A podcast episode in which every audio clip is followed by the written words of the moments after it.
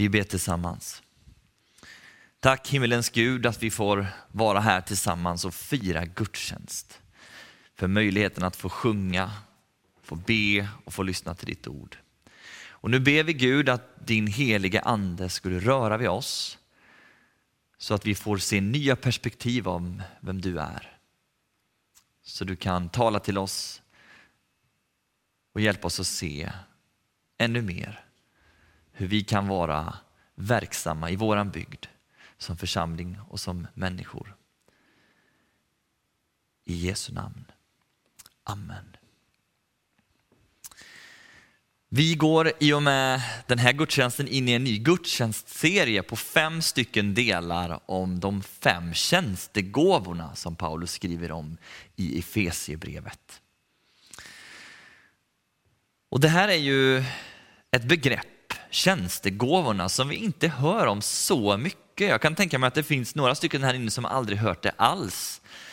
Vi talar inte jätteofta om dem, men det ska vi få chansen att göra nu de närmaste veckorna. För jag tror att de är viktiga. De hjälper oss att komma i funktion och se hur vår olikhet kan berika vår gemenskap. För ett tag sedan så hamnade jag i ett samtal med en medmänniska som just hade bytt jobb. Och vi stod och pratade med varandra och eh, jag frågade hur det kändes att hon hade lämnat sitt gamla sammanhang och hon berättade att det var en stor lättnad. Och jag frågade varför, om det var så att hon inte trivdes med arbetsuppgifterna eller om det var någonting annat. Och hon berättade att hon, det gjorde hon verkligen. Hon tyckte om både arbetet och företagets idé. Men hon trivdes inte med arbetsmiljön.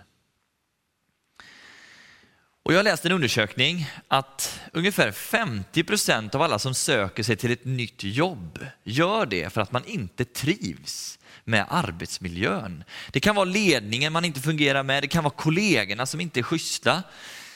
Eller olika typer av utebliven uppmuntran eller bekräftelse. Att man får slita på ett sätt som gör att man inte mår bra.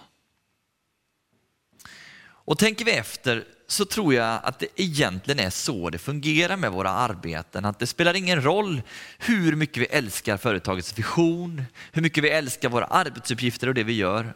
Om vi inte trivs i gemenskapen, då kommer vi inte stanna särskilt länge. Och det är egentligen likadant med en församling. Vi kan älska teologin, vi kan älska sångerna, vi kan älska pastorn, vi kan älska allt som sker. Men om gemenskapen inte är varm, om den inte är kärleksfull och öppen och välkomnande så kommer vi inte trivas. Då kommer vi inte kunna stanna i den församlingen särskilt länge. Och Martin Modéus som just nu är vår ärkebiskop här i Sverige skrev en bok för ett antal år sedan där han talade om den kristna gudstjänsten och hur man kan förnya den. Då räknade han upp ett antal ledord som var viktiga och som han tänker kan vara avgörande att man tänker till kring om man vill ha en god kristen gudstjänst. Han nämner igenkännandets glädje, han, han nämner delaktighet och liturgi som är självbärande. Men han, han nämner också mänsklig värme. Och så konstaterar han ganska fort att det finns faktiskt en hierarki här. Att även om vi har en gudstjänst med hög igenkänning och delaktighet så spelar det inte jättestor roll om det inte finns någon värme.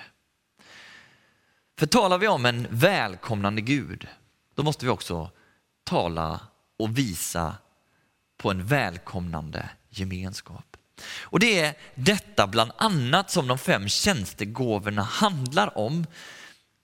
Jag ska förklara vad jag menar, men först ska vi läsa en text därifrån tjänstegåvorna är hämtade. i Efesierbrevet 4 och egentligen skulle ni kunna läsa hela stycket från 1 till och med 16 hemma men jag tar, plockar ut nu några bitar av det stycket som jag läser för er.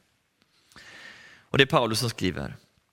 Jag uppmanar er alltså, jag som är fånge för Herrens skull, att leva värdigt er kallelse, alltid ödmjuka och milda ha fördrag med varandra i tålamod och kärlek. Sträva efter att med friden som band bevara den andliga enheten, en enda kropp och en enda ande, liksom ni en gång kallades till ett och samma hopp.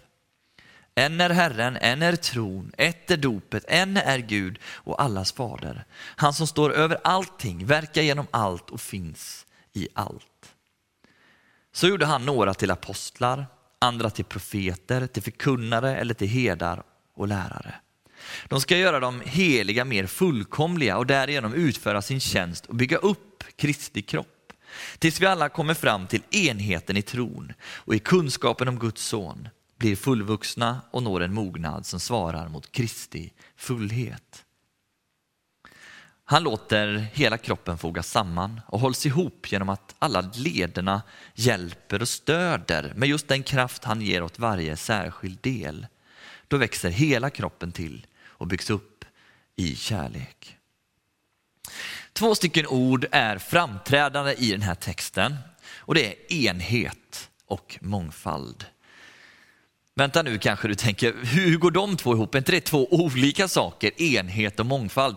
Jo, det är det. Men i Guds församling så hänger de ihop. Vi är människor av olika kön, av olika nationalitet, med olika personlighet och i olika åldrar. Så, så, så ser en kristen gemenskap ut. Och så måste det få vara. Och samtidigt så har vi samma far, vi har döpts med samma dop och tagit emot samma ande. Vi är en gemenskap och i Apostlagärningarna beskrivs det till och med som att de blev som ett hjärta med en längtan och en vision. Och Varför är detta viktigt att det är på det sättet? Jo, det står också att, i texten att det sker någonting då. Två saker sker. Det ena är att kroppen byggs upp i kärlek. Vi får en mänsklig värme, vi börjar att se till varandra och i det finns det också möjlighet att vara olika. Vi ger varandra den, det utrymmet att vara det. Men det är inte bara det det handlar om, utan det handlar också om att vi blir mer lika Jesus. Det stod att vi mognar och svarar bättre mot Kristi fullhet. Om vi låter mångfalden ta del i vår enhet.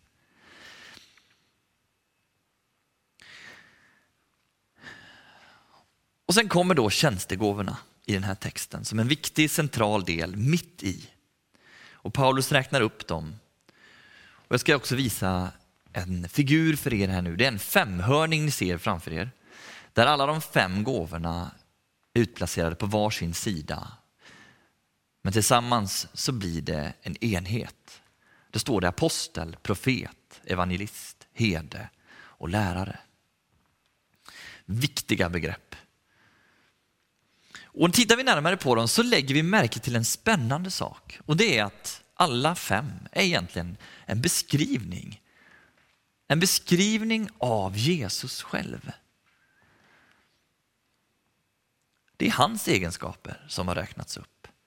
För egentligen är det så att Jesus är den främsta aposteln. Det är han som har fått uppdraget av Fadern. Han har blivit sänd in i världen. Han bryter ny mark. Han grundar en rörelse som idag har över två miljarder anhängare runt omkring i världen. Det är han som bryter den nya marken och som är den främsta aposteln. Det är också han som är den främste heden. Han har en omsorgsfull inställning till varje förlorat får. Och han är beredd att till och med ge sitt liv för dem. Han är också profeten. Den store profeten som säger ske din vilja, inte min. Allt han gör har han fått av sin fader. Och han har alltid blicken fäst emot himlen. Han är också den främste evangelisten som lämnade himlens härlighet för vår skull och gick över gräns efter gräns för att nå till nya människor för att de var viktiga. Att de också fick höra att de var älskade av Gud och fick vara med i gemenskapen och flocken. Han var också den främste läraren som talade om Gud så att människor häpnade. Och trots att civilisationen har utvecklats enormt och nya tekniska framsteg har gjorts så finns det fortfarande inte än idag någon som har kommit med en bättre morallära än den som Jesus kom med. Den ligger till grund för hela vårt, vårt västländska lagsystem.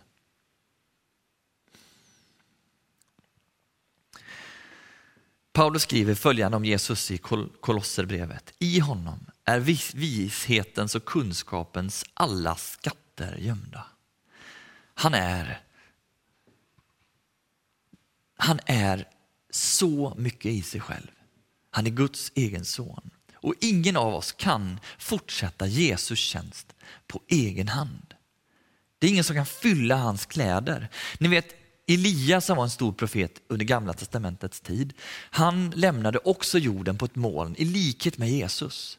Och när han gjorde det så, så låg en mantel, hans mantel kvar på marken. Och då går Elisa fram och tar manteln och därför och fortsätter Elias verksamhet. Och därför har vi det här svenska uttrycket ni vet, när man brukar säga vem ska ta upp hans mantel eller hennes mantel? Så säger vi ofta när en stor chef eller ledare har lämnat sin position och vi ser att det här är stora skor att fylla. Vem ska ta upp manteln? I Jesu fall så är det inte en person som gör det. Utan i hans fall så är det faktiskt församlingen som gör det. Gud lägger inte Jesu gåvor på en person utan sprider ut dem över varje kristen församling.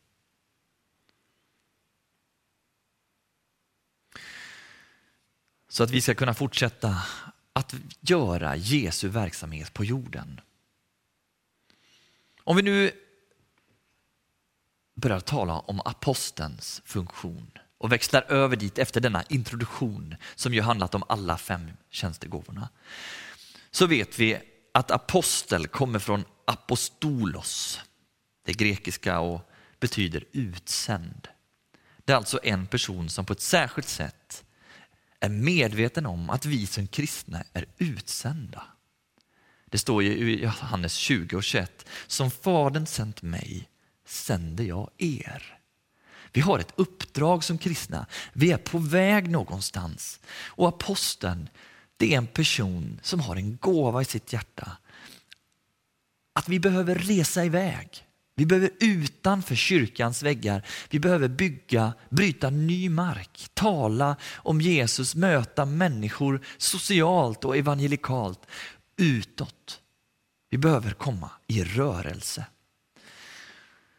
Och för min egen del så tycker jag att detta med rörelse är någonting väldigt härligt. Det finns få saker som är så gott. Så när bilen är packad, termosen är fylld och vi står för att precis resa iväg ut på en utflykt eller på något äventyr med familjen. Det är någonting med det där vita, blanka bladet som skapar en förväntan. Bladet är mer ofyllt än vad det brukar. Och vi skulle kunna skriva nästan vad som helst på det. Och i det finns en förväntan, en framtidstro, en längtan efter liv och rörelse. Problemet är bara att det inte alltid blir så. Det kan ibland vara precis tvärtom. Barnen vägrar bälta sig, kaffet rinner ut i sätet och när man precis ska starta så inser man att bakluckan har stått öppen för länge så batteriet har laddat ur och så när man väl ska få igång bilen och komma iväg så har klockan gått och man har tappat lusten och så tänker man så här, äh, det är lika bra att vi inte åker överhuvudtaget. Då blir vi i alla fall inte besvikna. Och så blir det kontentan inför nästa gång vi känner lust att resa. Och det här tror jag är ett av de första diken som vi kan hamna i. Om den kristna tron och efterföljelsen är, skulle vara en bil så är då dike ett att vi kör ner och tänker det är lika bra vi stannar hemma. För då blir vi i alla fall inte besvikna. Och det här gör aposteln otroligt provocerad. För i apostelns hjärta finns en längtan efter att röra sig. Och jag läste, eller lyssnade för ett tag sedan på en dokumentär om Håkan Hellström, ni vet han som har fyllt Ullevi flera gånger. Och det är fascinerande alltså vad den här mannen kan göra. Han skriver så här vid ett tillfälle. Jag vill testa nya grejer och se vad det kan bli.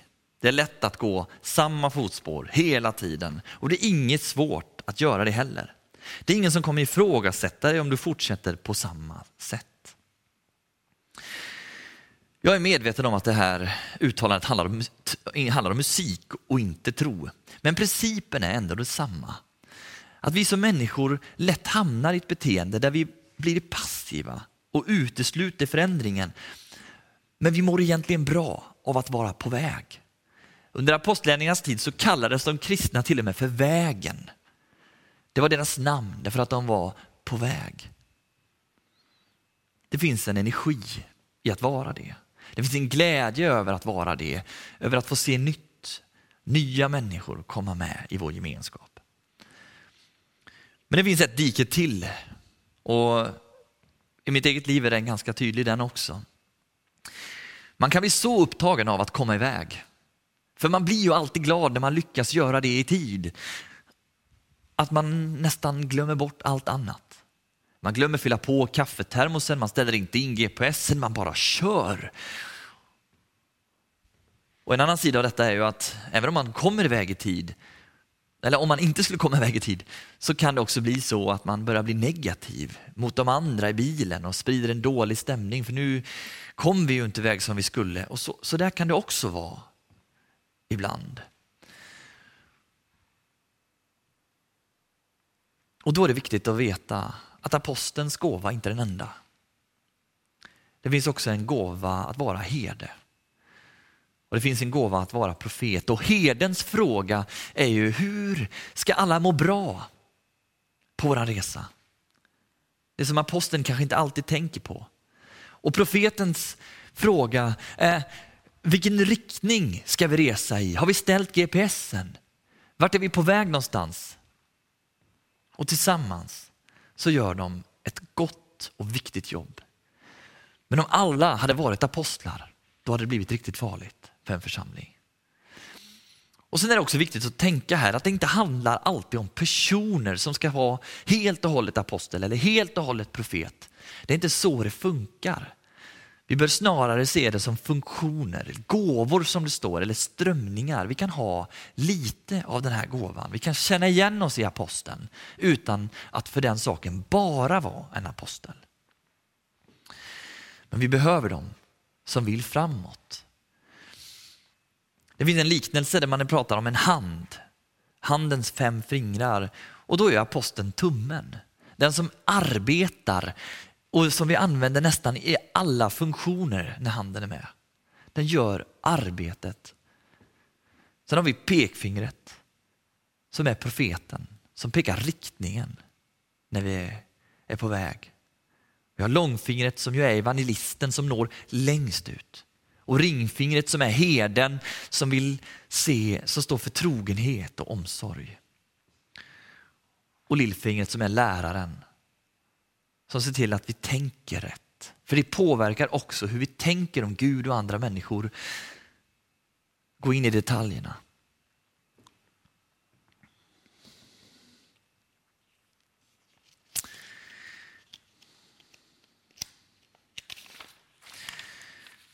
En apostel. Vi ser ju mycket hur en apostel ser ut genom att läsa till exempel apostlagärningarna eller se hur apostlarna fungerar och verkar. Också Paulus, som ju kanske är den främste aposteln på många sätt, har skrivit många brev. Också där ser vi hur en apostel ofta är. Och en sak som är tydlig, det är ju att det är en person som har en stor portion med frimodighet, ledaregenskaper och stark övertygelse. Det är ofta personer som skapar nya strukturer, tänker nytt och bryter ny mark som Petrus, Jakob, Johannes och inte minst Paulus. Det är utförare som vi kallar dem när vi talar om det här i ett, i ett, eh, ett profant sammanhang. I en, I en grupp där man bygger ett team så kan man till exempel tala om utföraren som funktion, eller visionären. Och då är visionären profeten och utföraren är ju aposteln, den som arbetar och tuggar på. Och när vi läser om hur Paulus tänker om sig själv så ser vi två saker samtidigt. Det ena är att han är väldigt stolt och tydlig med allt han har gjort. Han skäms inte, han har en ledarförmåga och då behöver han också visa på vad han har gjort och ta viktiga exempel från sitt eget liv. Han skriver till exempel så här i andra Korintierbrevet 11.23. Jag har arbetat mer än de flesta, suttit i fängelse mer än de flesta, fått prygel i övermått och ofta riskerat livet. I Romarbrevet 15.19 skriver han, genom andens kraft så har jag överallt spridit evangeliet om Kristus. Från Jerusalem åt alla håll ända till Illyrien. Paulus skäms inte för att tala om det han har gjort. Han vet att Gud har använt honom för att berätta om Jesus och starta många nya församlingar. Men å andra sidan är han enormt ödmjuk också. Och Han säger till exempel, det är alltså tack vare Kristus Jesus som jag kan berömma mig, vad jag gör inför Gud. Och vid något tillfälle så talar han väldigt mycket om svaghet. Han nämner till exempel att det finns som en tagg i hans eget hjärta. Som påminner honom ständigt att han inte ska bli högmodig. En kamp i det egna livet. Och det, man vet, och det vi vet är att detta är någonting väldigt påfrestande och jobbigt för honom. Teologer har försökt ta reda på vad det är, men det är ju såklart ingen som har kunnat komma på det. Men han skriver så här i andra Korinthierbrevet 12. Tre gånger har jag bett Herren att han ska lämna mig i fred. Men han svarade, min nåd är allt du behöver. Ja, i svagheten blir kraften störst. Därför vill jag helst skryta med min svaghet så att Kristi kraft kan omsluta mig. Jag gläds åt svagheten, förolämpningar, svårigheter, förföljelser och nöd när det är för Kristi skull. Ty när jag är svag, då är jag stark. Min nåd är allt du behöver, är vad Paulus får höra när han ber om att bli av med sina motgångar och svårigheter. Ödmjukhet är en enormt viktig gåva eller personlighetsdrag hos den som har apostelns gåva. Vi behöver veta att Gud använder oss, men vi behöver också veta att det är Gud som ger oss kraften. Och Det här har verkligen Paulus fått landa i. Vi är först och främst kallade till Guds hjärta och sen sänder Gud oss ut. Så var det för lärjungarna, så var det för Paulus, så är det för dig och mig.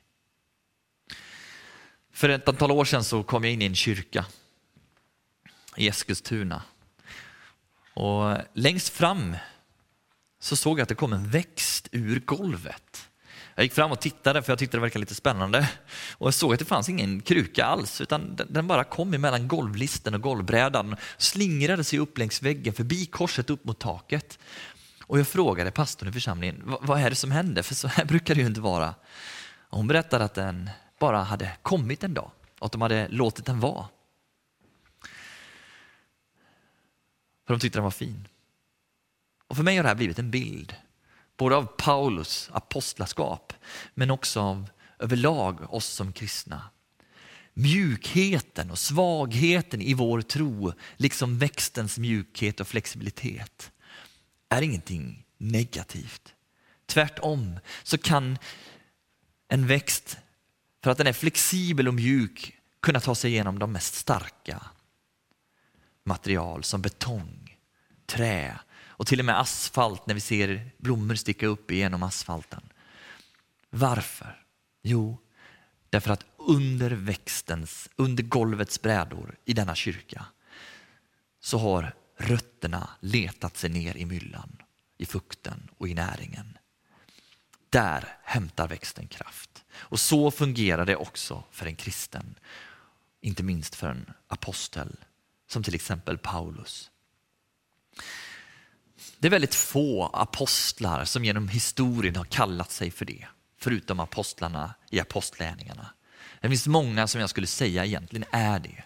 Luther som förvandlade en hel, förändrade en hel kyrka och som än idag har påverkat vår kristenhet enormt mycket. Och Det finns många sådana, jag tror att det var till exempel Billy Graham som sa jag inte helt säker på detta nu, att det var just han, men en stor predikant när någon frågade honom, är, är du en apostel? Så sa han, nej, nej, nej. Jag är bara en fet gubbe på väg till himlen. Och någonstans ligger något väldigt sunt i detta. Att vi inte ska ta oss gåvorna för att på något sätt använda dem och titulera oss själva. Utan det är Gud som är stor och vi som är små. Och det är genom hans kraft som vi kan få göra skillnad. I Efesierbrevet står det, hämta nu styrka hos Gud. Hos hans oerhörda kraft, står så i 6 och 10. Hämta nu, styrka hos Gud av hans oerhörda kraft.